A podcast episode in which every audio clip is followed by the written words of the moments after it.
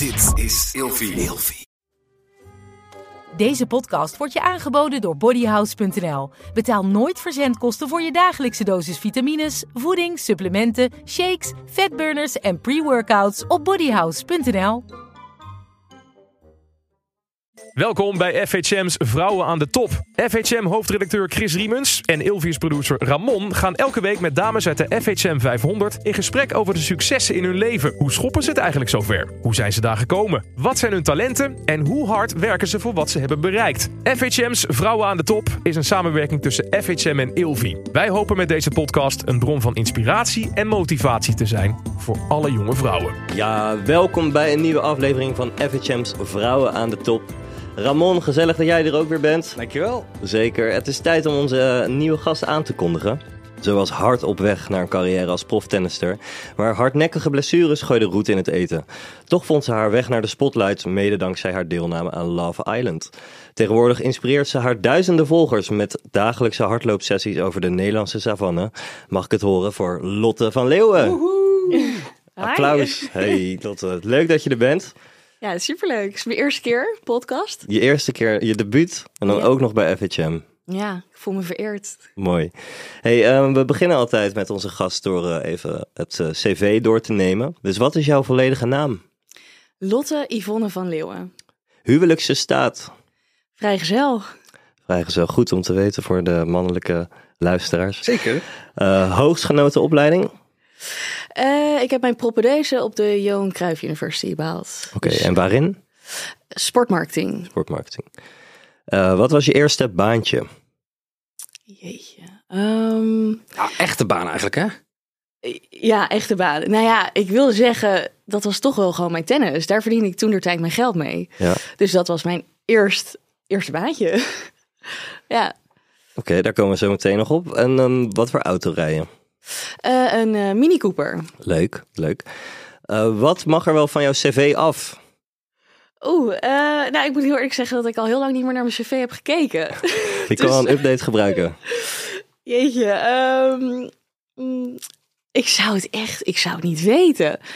Ik heb mijn cv ook eerlijk gezegd helemaal niet meer nodig nu. Nee. Nee, er wordt niet meer aan mij gevraagd, Lotte, stuur even je cv'tje op. Nee, en dat komt natuurlijk ook omdat je, denk ik, zelfstandig bent en niet in loondienst. Klopt, ja. En ook misschien niet van plan om eh, in in, eh, loondienst te gaan eh, op, op de korte termijn. Nee, nee, eigenlijk niet, nee. Nee. Eh, laatste vraag van het cv. Heb jij meer of minder verdiend dan 100.000 euro het afgelopen jaar? Zo.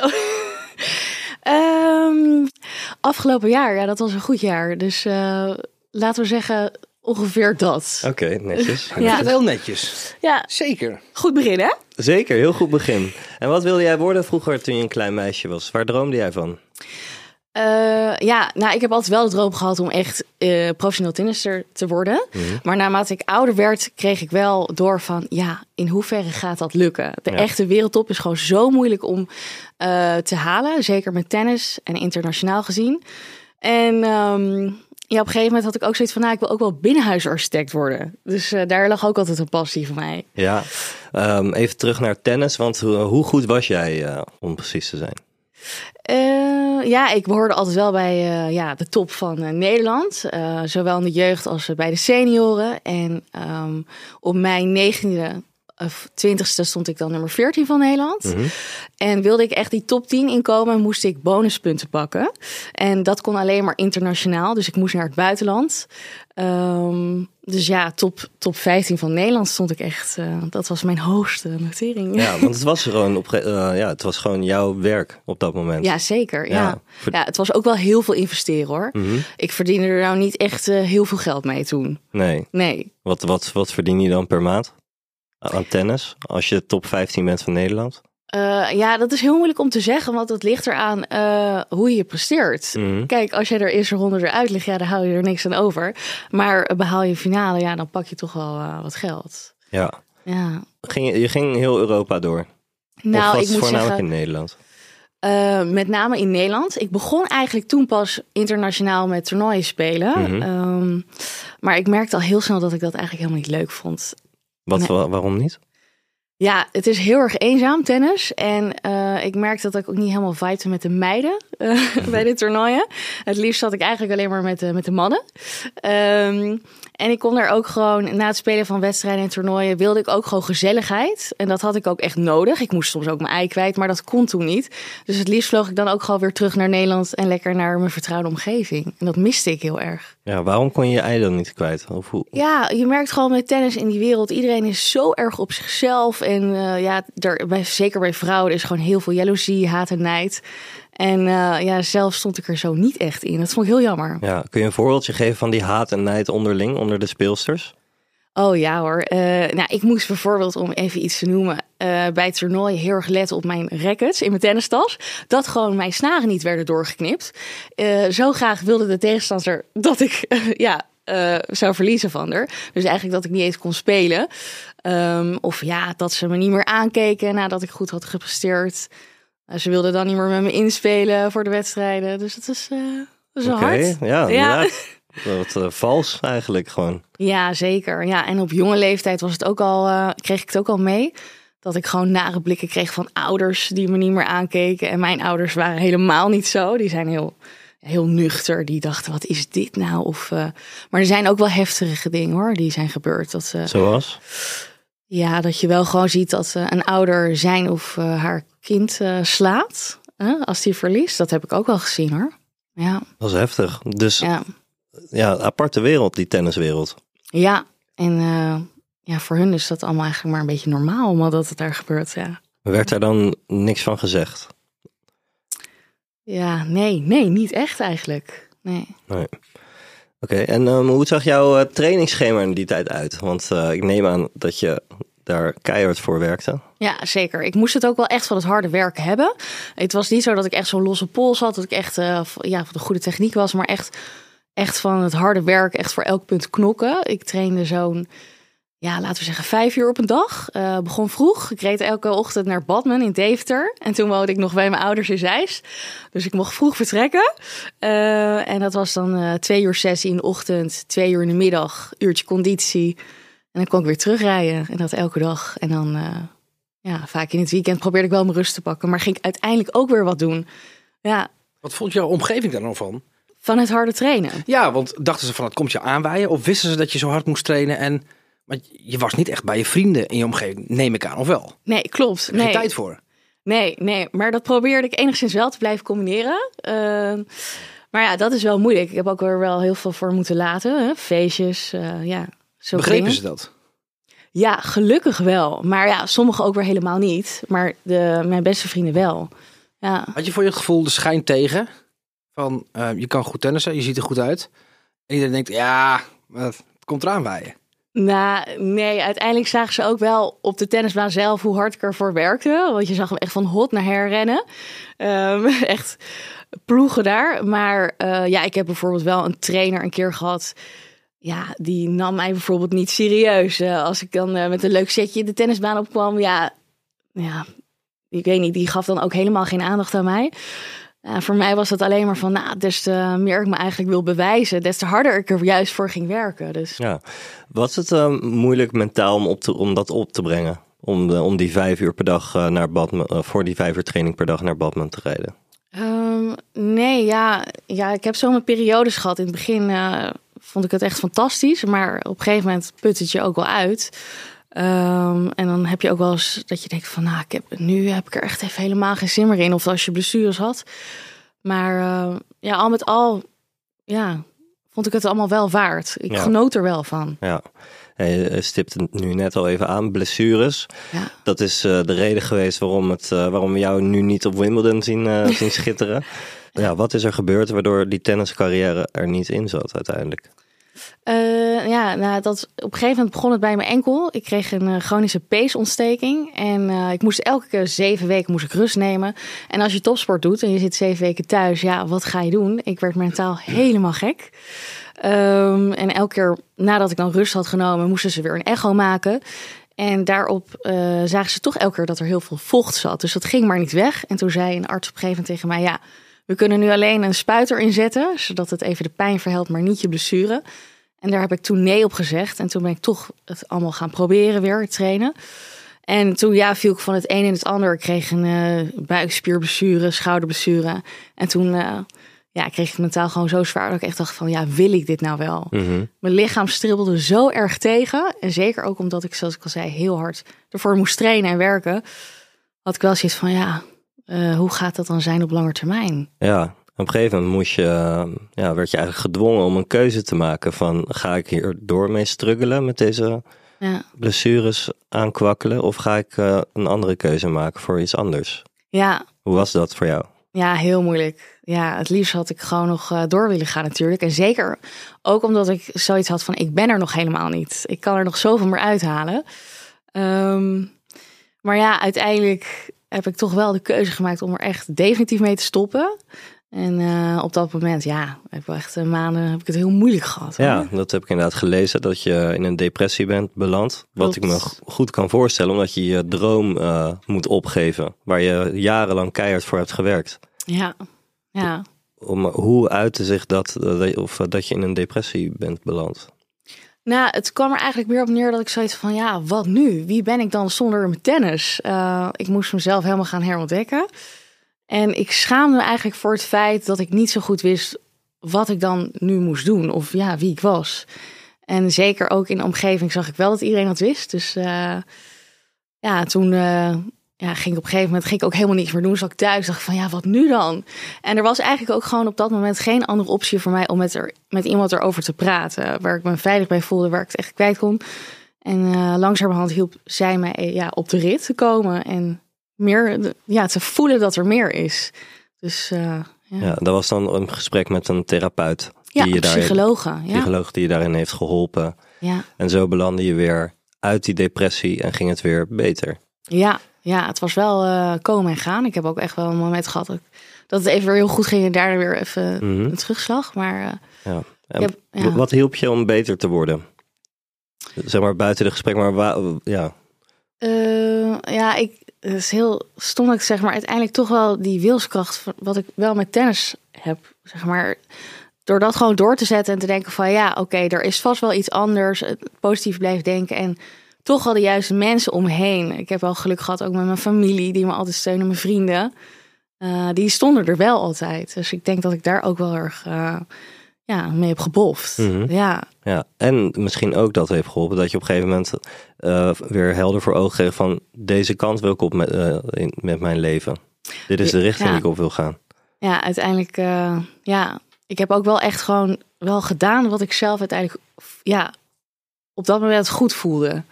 Dus uh, ja. En wat was de richting dan? Op een gegeven moment neem ik aan dat je dacht van dit is de richting die ik op wil. Wat was die richting? ja, ik ben wel een beetje gaan zoeken hoor. Uh, ik Neem had- ons mee door die zoektocht.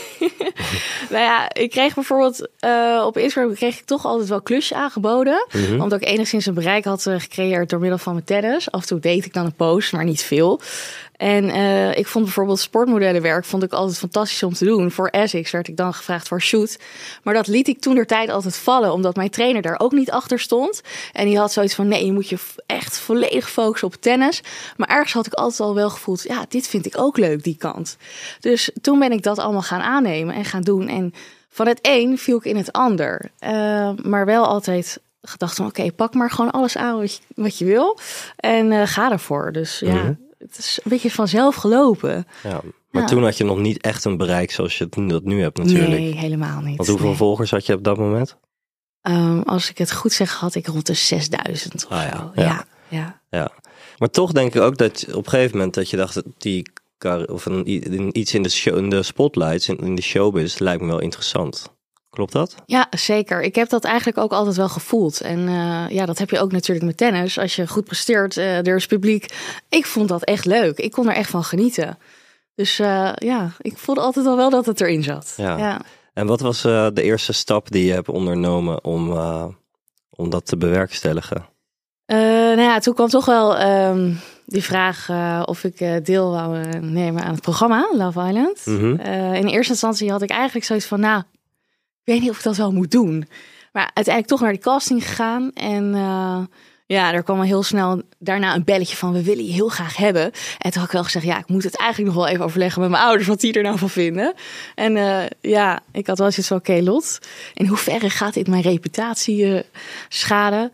Maar toen eh, had ik wel zoiets van, oké, nou, dit is dus wel zo'n voorbeeld van, misschien moet je dit gewoon doen. Spring in het diepe en eh, ja, je hebt zelf in de handen hoe je je neerzet. En eh, ja, ga het gewoon doen. Dus, Ja. ja. Hoe, hoe was die casting?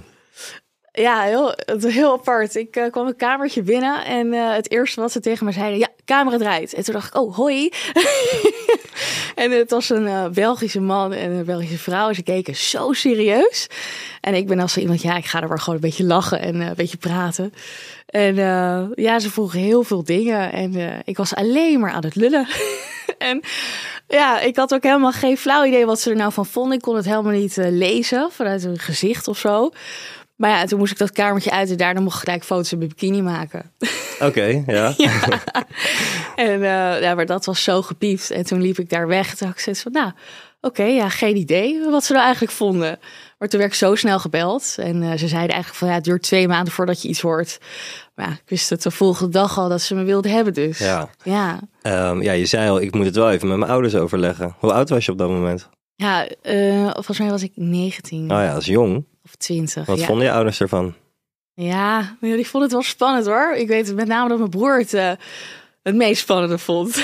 met zijn vrienden. Die dachten, oh nee hè, gaan we dat krijgen. Maar ehm, ja, ze hadden enigszins ook wel gewoon vertrouwen in me. En ze hadden zoiets van, oké, ja, eh, ga je niet alles voordoen. eh, wees gewoon lekker nuchter. En eh, ja, ik, dan, ze hadden wel vertrouwen dat het goed zou komen. Maar ja, Had je ook een management op dat moment of niet? Nee, ik had, eh, nee, ik had geen management. Nee. Dus je ging gewoon, je was 19 en helemaal op jezelf dacht je, ik ga het avontuur aan. Ja, Je ja, wist niet wat je vragen moest, je wist niet hoe de weg, nee, ja. wist niks. En op een gegeven moment kreeg ik door dat ik, eh, even kijken hoor, toen moest ik gewoon, kreeg ik een lijst door met wat ik moest pakken. Ik had wel een opnamedag. eh, en ja, eigenlijk vloog ik zo snel toen ook naar Krankenaria. Het was echt binnen no time, binnen een paar weken. Het ging heel snel. Maar ja, je wordt ervoor betaald, toch? En je krijgt contracten, je moet dingen tekenen. Dan word je er wel voor betaald. Ja, nee, nee, je wordt er niet Hè? voor betaald. Nee, om deel te nemen, nee. Waarom doe je het dan? Ja, het is gewoon de hele ervaring. Eh, hè, je zit toch in de villa met allemaal jongeren. Eh, je gaat ervan uit dat het allemaal leuke jongens zijn ook. Dus, eh, en ik was vrij gezel, hè? Dus eh, ja. Maar is ehm, beroemd worden, was dat een doel van je?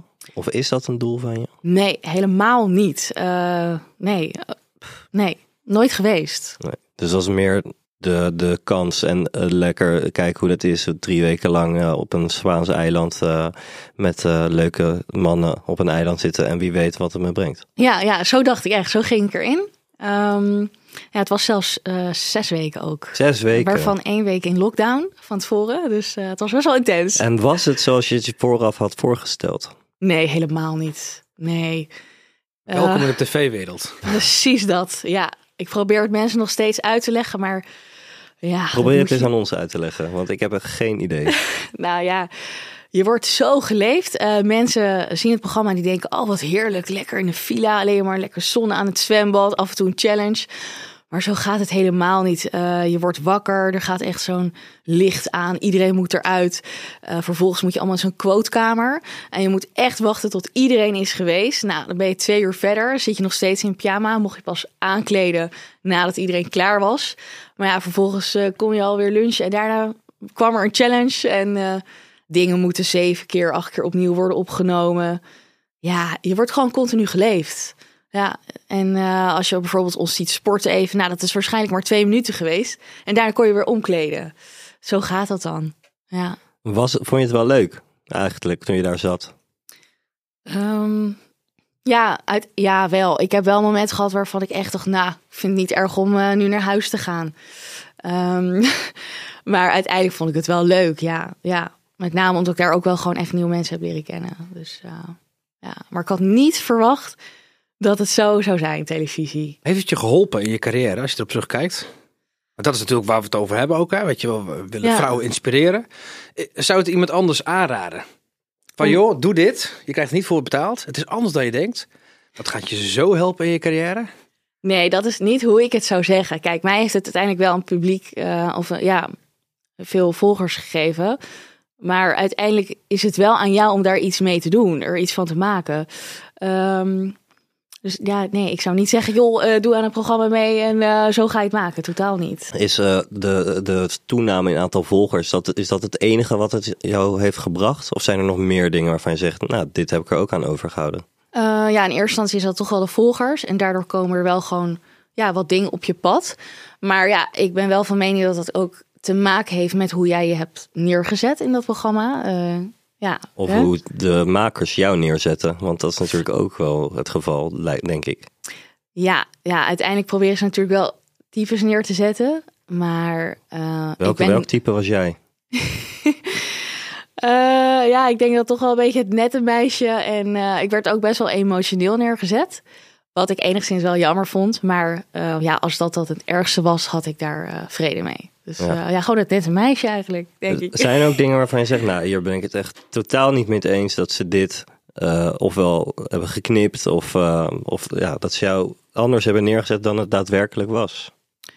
Ja, er is wel één ding geweest waarvan ik jammer vind dat ze dat niet hebben uitgezonden. Eh, zeker omdat het heel erg belangrijk, belangrijk was voor de relatie die ik op dat moment had met die jongen. eh, wat speelde.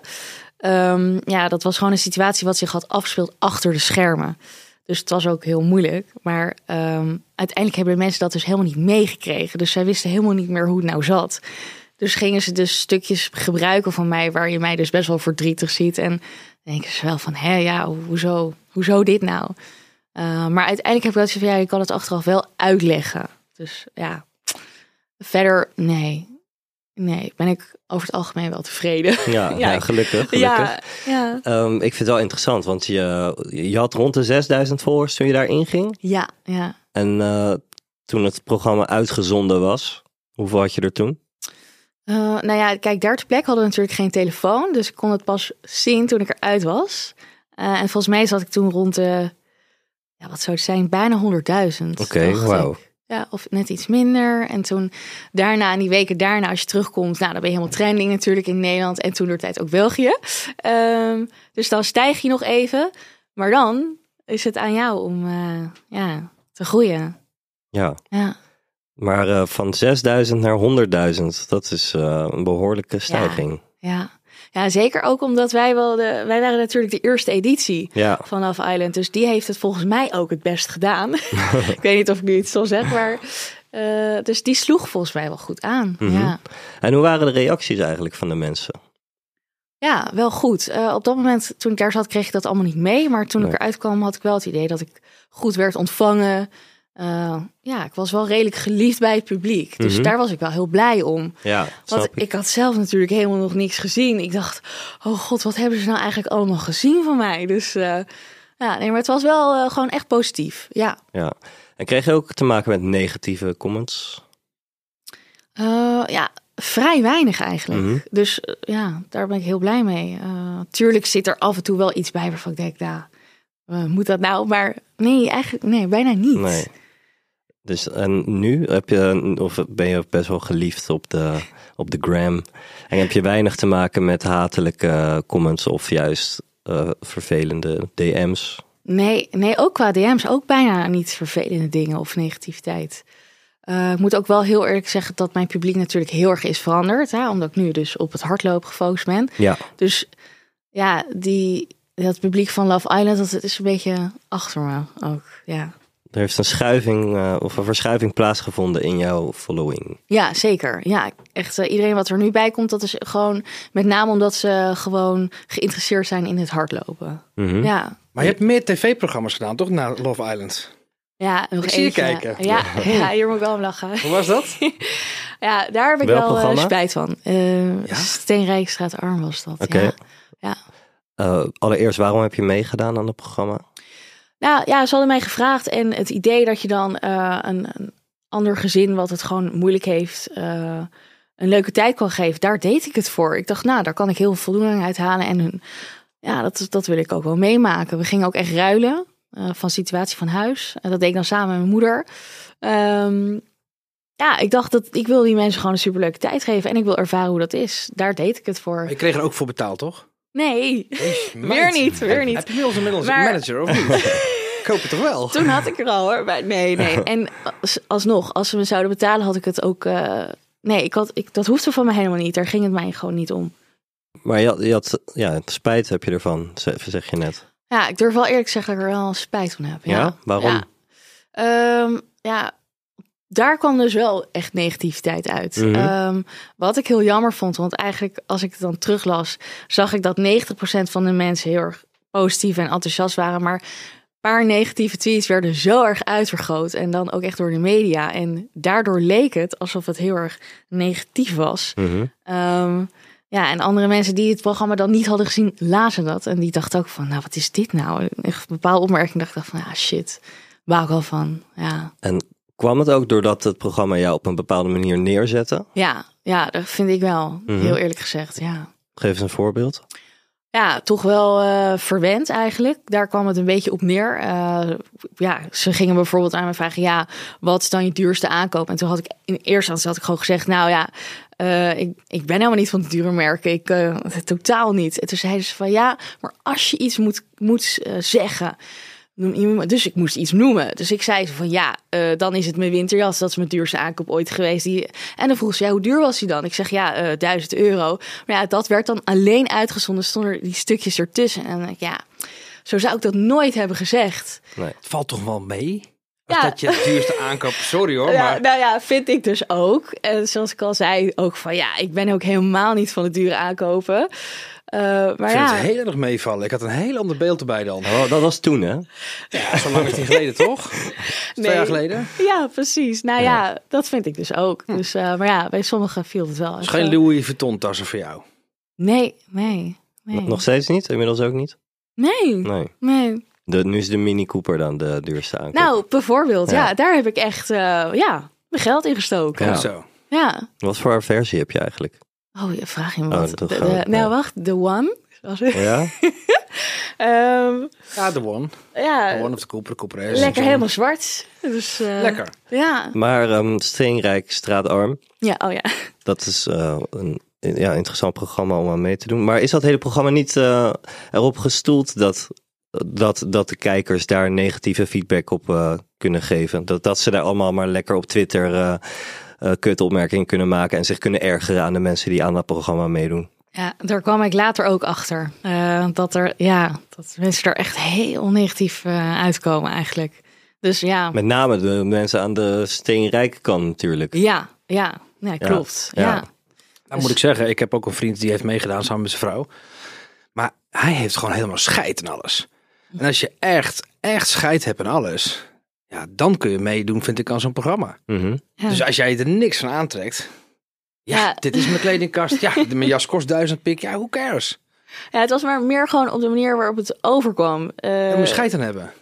Dat denk ik. Maar de- ja, dat, dat ze de hele context weglaten eigenlijk in jouw uitlatingen. Ja, ja. Ja. dus gewoon, het, is, het was meer zo van, nou, kijk eh, hè, hoe mooi spul ik heb. En eh, ja, weet je hoe goed ik het allemaal doe. En zo ben ik helemaal niet. Dus toen dacht ik van, kijk, ik vind het niet erg om het te zeggen. Maar ik zou het niet zo verwoorden dan. Mhm. Of, ja, Heeft het je ook iets gebracht? Iets positiefs? Steenrijk staat arm. Ja? Nee, ja, nee, niet, nee, het programma niet. Maar wat ik bijvoorbeeld wel mooi vond, is dat we een leuke band met de familie eraan over hebben gehouden. En eh, dat we daar ook nog lang zijn geweest. En ja, dat vind ik dan wel het mooie.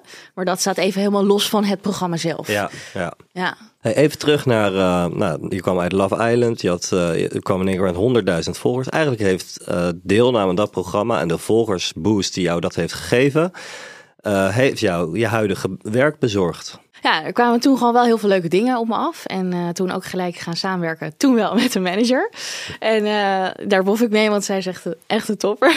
dus, eh, en we hebben eigenlijk alles ja, vanaf dat moment samen gedaan. Er zijn heel veel leuke dingen toen op mijn pad gekomen. En eh, al, ik kwam er al wel heel snel achter dat de volgers wel heel geïnteresseerd waren in het sporten allemaal. En zeker, eh, dat hebben ze bij Love Island ook wel naar voren gebracht. Dat ik een topsoort verleden had. Ehm, dus toen ben ik me met name daarop gaan focussen. En ehm, ja, daar heb ik toen gewoon echt, eh, ja, echt hard voor gewerkt. Ja. Ja, want is dat nu e- gewoon je enige in- bron van inkomsten? Je werk uit Instagram? Ja, eh, ja, ook wel shoots bijvoorbeeld ernaast. Maar met name toch wel eh, het content maken. Ja, ja. dus die samenwerking aangaan met andere merken. Ja, echt wel eh, ja, contracten. Ja. Kun je eens uitleggen wat je dan doet? Want Instagram is je werk, zeg je. ja. Wat Eh, moet je dan doen? Wat, ben je van 9 tot 5 aan het filmpjes maken? Leg eens uit. Ja, je bent eigenlijk gewoon, nou, ik in ieder geval 24-7 bezig met eh, ja, content maken. Kijk, hoe meer eh, deals je hebt, des te meer spontane content je ook moet maken. Want anders ben je straks een lopende reclameband. Ja, dat willen de volgers niet zien. Die willen juist ook meer persoonlijke dingen zien. Dus ja, je hebt bijvoorbeeld een contract met een merk. En daarin staat gewoon exact hoeveel ze verwachten van jou per maand. Eh, zoveel posts, zoveel stories. En eh, dat heb je dan ja, met meerdere merken. En dat ga je allemaal plannen. En eh, ja, daartussendoor maak je dus al je spontane content. Maar jij fotografeert en je edit zelf of je filmt wat... Nee, ja, dat komt er dus ook nog bij kijken. Want je bent eigenlijk ook nog model. Eh, ik eh, bewerk zelf alles. Eh, ja, de captions, alles moet goedgekeurd worden.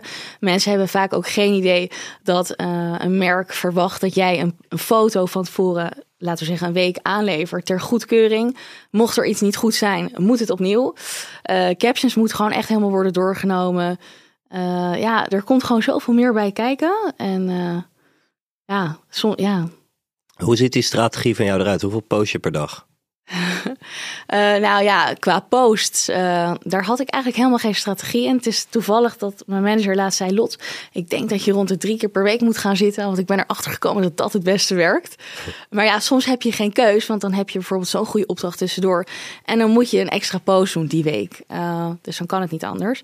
Maar ja, stories probeer ik wel echt eh, ja, elke dag erin te knallen. En dat, ja, dat moet ook bijna wel. Om dat algoritme maar te blijven voeden, dat jij hoog in, die, eh, in, die, in dat algoritme blijft zitten bij jouw volgers. Eh, nou ja, nee, het gewoon eigenlijk meer omdat ik gewoon bijna elke dag wel betaalde content erin moet gooien. Oké, ja. Ja, ja, dat is natuurlijk soms. Dat moet je gewoon inpakken met natuurlijke content, zeg maar. Met, Ja, nou ja, ja, zeker wel. Dat probeer ik ook wel. En alles wat ik nu ook echt promoot is ook eh, wel echt, eh, ja, echt gewoon alles Ja. gebruik ik. Is, ja, ben ik tevreden over. Dus Ja, zeker, want je eh, hebt je gefocust heel erg op het hardlopen. ja, Dat is een enorme passie van jou geworden. ja. Waarom die keuze voor het hardlopen? En wat spreek je zo aan in het hardlopen? Ja, het was eigenlijk helemaal geen keuze. Toen ik ben gestopt met tennis ben ik personal training gaan doen. En mijn trainer is gewoon een hele goede hardloper. Dus elke keer als ik bij hem kwam, begonnen we alleen maar te praten over hardlopen. En eh, mijn broer deed toen de tijd ook een hardloopwedstrijd. Dus ja, ik kreeg het van iedereen eh, mee. En op een gegeven moment dacht ik, nou weet je wat, ik ga me ook inschrijven voor een halve marathon. Ik dacht dat uithoudingsvermogen, dat zit er nog enigszins wel. en eh, toen ben ik gewoon op eigen houtje een beetje gaan trainen. En toen heb ik mijn volgers daar ja, eigenlijk voor de grap in meegenomen. En dat sloeg zo goed aan dat ik dacht, nou verrek, ik moet hiermee doorgaan. En ik merkte ook dat het hardlopen steeds beter ging. Ik nam het steeds serieuzer. En toen dacht ik, nou, dit is toch wel weer ook... Dit vind ik fantastisch om te doen. Gewoon sporten en het promoten erbij. Nou, eh, en dat ben ik gewoon echt continu gaan doorzetten. Dag in, dag uit. Ja, Ja. Wanneer zie je dat iets aanslaat? Dat zie je, dat, jij zegt dat, maar stel Eh, voor luisteraars denken, ik ga het ook doen. Wanneer zie je dat iets aanslaat dan? Ja, gewoon aan de reacties die binnenkomen. Op een gegeven moment kreeg ik natuurlijk berichtjes binnen op Instagram van... Oh Lot, je hebt me echt eh, geïnspireerd of gemotiveerd om vandaag toch dat rondje te gaan rennen. En je hebt helemaal gelijk, ik geniet er echt van. En ja, dat vond ik zo leuk en daar genoot ik ook echt van. Ik kreeg er zoveel positieve energie van. Dus daardoor ben ik ook gewoon maar door blijven gaan. Dus, Ja. eh, en ik denk commercieel interessant, want er zijn heel veel fit girls, maar ik kan niet buiten jou geen eh hardlopen-influencer opnoemen. Ja. Dus dat, dat is dan een prettige bijkomstigheid, denk ja, ik. dat is toch een beetje die eh, uniekheid, hè? Ja, nou, dat wil je toch ook. Ja. Je wil je wel onderscheiden. Wat zijn dan je sponsoren? Want hardlopen denk ik een beetje aan eh, Adidas, Reebok, Nike, eh Under Armour. Wat is het? Oh, de kledingmerken. Ja, eh, nou, ik werk nu bijvoorbeeld met Garmin samen. Eh nou, MyProtein. En ehm, nou, nu zit ik ook bij een sportmerk. Ehm, en ja, wellicht dat er eh, nog een groter sportmerk zit aan te komen. Helemaal Spannend. Ik zie een Nike athlete hier in de beelden hoor.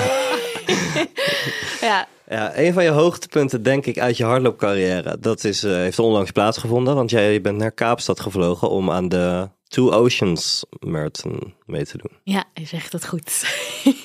ja, Vertel, klopt. hoe was die ervaring? Ja, echt. eh, ja, het was fantastisch. Ehm ja, Two Oceans Marathon. Ik heb dan de halve gelopen. Je kan ook de ultra lopen. Dat is 56 kilometer. Die heeft mijn trainer dan gedaan. Echt bizar. Ehm, daar ben ik echt voor in training gegaan. Ik heb me toen echt eh, aan een schema moeten houden. En ehm, ik heb me daar toen ook ingezet voor de stichting van mijn trainer. Dus het, de combinatie van en het lopen en dan ook nog inzet voor een goed doel. Wat was vond ik heel mooi. Dat heet Run for Schools. Ja, Ja. en dat eh, zorgt voor naschoolse opvang voor de kinderen daar in de townships. Ja, mooi. Ja. En ehm hele andere omgeving dan hier eh, in Nederland, eh, in het Zo. Amsterdamse bos. ja, zoals je weet, ja, ik loop veel in Amsterdamse bos of gewoon eh, bij Oude Kerk en Amstel, gewoon op de platte wegen daar. Ja, Nou, maar daar loop je over de Chapman's Peak. Precies, ja. Ja, het was echt, ik vond het echt wel heftig hoor. Ik had niet verwacht dat ik het zo zwaar zou hebben. En je begint natuurlijk ook super vroeg. Volgens mij zat ik echt om vier uur aan mijn ontbijt of zo. Nou, en dan zes uur van start. Nou ja, maar ja, het was, ja, ik vond het al met al echt fantastisch. Maar je moet echt berg op. Ik dacht, oh shit, waar ben ik aan begonnen? Maar ja, wat ik wel heel vet vond, was om die berg knetterhard af te rennen. Want ik moest ook echt tijd inhalen. Want in het begin ging mijn schoen, eh, ik weet niet wat er gebeurde, maar mijn veter raakte los. Of dat stukje waar mijn veter doorheen gaat, was kapot gegaan. Dus dacht ik, oh nee, en na 700 meter moest ik al uitwijken. En ik dacht, er gaan al twee minuten. Want ik wilde wel gewoon een prima tijd neerzetten, wat, ja, toch? Wat was je richttijd? Nou ja, ik moet zeggen, ik had niet een specifiek doel eh, of specifieke tijd. Maar ik wilde wel gewoon 1,44. Gewoon echt minimaal 12 km per uur lopen. Ja. Nou, dat was gelukkig eh, gelukt. maar ja, eh, ja. Het, was, Ja. het was echt een hele ervaring. Ja, geloof ik. Wat is je eerstvolgende doel nu aan, aan de horizon? Eh, ja, ik wil, nu wil ik echt, nu wil ik echt begonnen met heel serieus trainen. Dus wel gewoon een beetje weer back to topsport live. Ehm, en dat wordt eh, dan de Dam tot Dam. Ja, Hè? De 16,1 kilometer. Die heb ik al drie keer gelopen. Maar nu wil ik echt voor een hele snelle tijd gaan. Dus eh, zeg even rond de 1 uur en 11 minuten wil ik eindigen. Wat is dan de pace per kilometer? 4,20. 24, ja, dat is 4,25. serieus snel, ja. Ja. Spannend. En ehm, voor de rest, wat, eh, wat zijn andere doelen? Voor de, wat, waar, waar wil je naartoe? Nou, hardlopen gerelateerd wil ik sowieso ook dit jaar nog een, eh, een marathon gaan lopen. Ja, een hele marathon. Ja, eigenlijk vrij eh, kort na de Dam. Welke? Weet je dat ook al? Ja, ook in Afrika, die, ook in Kaapstad. Oké. Daar heb je dan. ja, zo leuk vond ik het. Ik ga Ja. gelijk weer terug. Ik pak hem door. Ja, en eh, nu toch wel ook bezig met mijn eigen merk opbouwen. Ja. Ja. ja. Want zijn er nog mooie dingen die er aankomen de komende tijd? ik ben nu bezig met het maken van e-book. ehm, waarbij ik, eh, ja, dat gaat dan met een eh, hardloopschema, voedingtips, persoonlijk tips, hoe je het best eh, het hardlopen kan opbouwen. Want dat is toch wel de meest gestelde vraag die ik krijg. En ehm, ja, daar hoop ik nog steeds dan heel veel vrouwen mee te inspireren en te motiveren. En het is ook wel een stukje mentaal gedeelte waar ik dan over ga vertellen. Want het heeft me, kijk, ik krijg er wel heel veel positieve prikkels voor, maar het heeft me mentaal ook heel veel. Het doet me heel goed. En ik merk gewoon dat vrouwen dat ook heel interessant vinden. Ehm, ja, en dat wil ik gewoon uitbouwen. Ik, eh, ja, Wie helpt je daar dan bij? Want je bent echt aan het ondernemen toch? ja Dus zeker. Wie ja. helpt jou daarmee of doe je het allemaal zelf? Nee, nee, ik heb wel een manager. Zij is inmiddels ook een hele goede vriendin van mij geworden. En we hebben echt elke dag contact. Eh, en zij helpt mij echt met alles. Alles wat er binnenkomt, contracten, eh, weet ik het wat. ja. Maar als soort van belangeloos, toch? Want als manager, voor de mensen die het niet weten, meestal heb je een contract met de manager. Je krijgt een percentage van wat ik verdien. ja. Dus zo, zo helpt ze jij er ook in. Of is je zakenpartner aan het worden? Nee, nee, nee. Nee, zij is geen zakenpartner aan het worden. Nee. nee. Wauw. Heb je het getroffen met haar? Ja, nee, echt. Zeker. Ja. Maar ze- ja, zij pakt dan gewoon een fee over de, over de overeenkomsten die zij sluit voor jou, neem ik aan. Ja. Ja, precies. Ja. Dat is eh, haar. Zo hoort het. ja, zo hoort het, ja. Ja, zij helpt me echt met alles. Dus ik bof met haar. Top. Ja. Hey, tot slot, wat is eh, de, het beste advies dat jij in je leven hebt gekregen? Jeetje. ehm, ja, toch, ja, dat klinkt heel cliché, maar toch wel echt je hart volgen en eh, je door niemand in de weg laten staan. Of zeg ik dat goed? In de weg laten staan? Ja, je Eh, door niemand laten eh, Beïnvloeden, ja. Ik denk dat, ik- dat dat bij mij ook wel echt mijn rode draad in mijn leven is. En ga hardlopen. Ga hardlopen. Nou ja, eerlijk waar, mocht je in het dip zitten of mentaal gewoon echt niet lekker in je vel zitten, dan is hardlopen echt een heel goed middel. Echt waar. Ja. Want? Ja, dat maakt toch dat stofje vrij, hè? die endorfine. Eh, je voelt je echt oprecht beter daarna. En eh, ja, het kan je echt helpen om uit die put te komen. Top, iedereen, iedereen hardlopen. Wij, wij moeten ook nog onze training plannen, hè? Ja, dat, Ja, ja, want ik ga ook meedoen aan de Dam tot Dam ik heb je uitgedaagd. Ja, zeker. Ja, Ja, nou, maar ik ga die pace van 420 ga ik niet halen. Dat weet ik, eh, kan ik je nu al zeggen. maar je hebt je al wel ingeschreven hè, voor de dans. Ja, ja, ja. Ik heb hem bevestigd. Ja, Oké, klopt. ja. Dus ik kan nu niet meer terug. Welke streeftijd heb je nou opgegeven? Ja, 1,25 of zo. 1,30. 1,30? Oh, even 1 uur kijken. 30 of 1 1, 1 uur 25, zoiets. Oké, ja. Nou eindig je wel een stukje verder. eh, Ja, daar later. heb ik ook- neem ik volledig genoegen mee. Oh, dan kan ik je nog wel eh, komen aanmoedigen bij de finish. Ja. ja, dat lijkt me top. Als jij er dan staat met een, eh, met een bekertje AA, dan ben Een ik helemaal tevreden. Oh, ja. oké. Je weet dat dat niet gezond is, hè? Drinken. Nee, weet ik, maar wel heel lekker. Heel lekker. Hey, leuk. Lotte, dankjewel voor het leuke gesprek. Jij bedankt. Heel gezellig. Eh, ik zie je binnenkort eh, bij de hardloopsessie. Ramon, ook weer bedankt. Leuk dat je er was. Altijd. Top. En eh, aan alle luisteraars, vergeet niet ons te volgen op Instagram en TikTok op fhm.podcast. En eh, ik check jullie weer volgende week bij een nieuwe aflevering van FHM's Vrouwen aan de Top.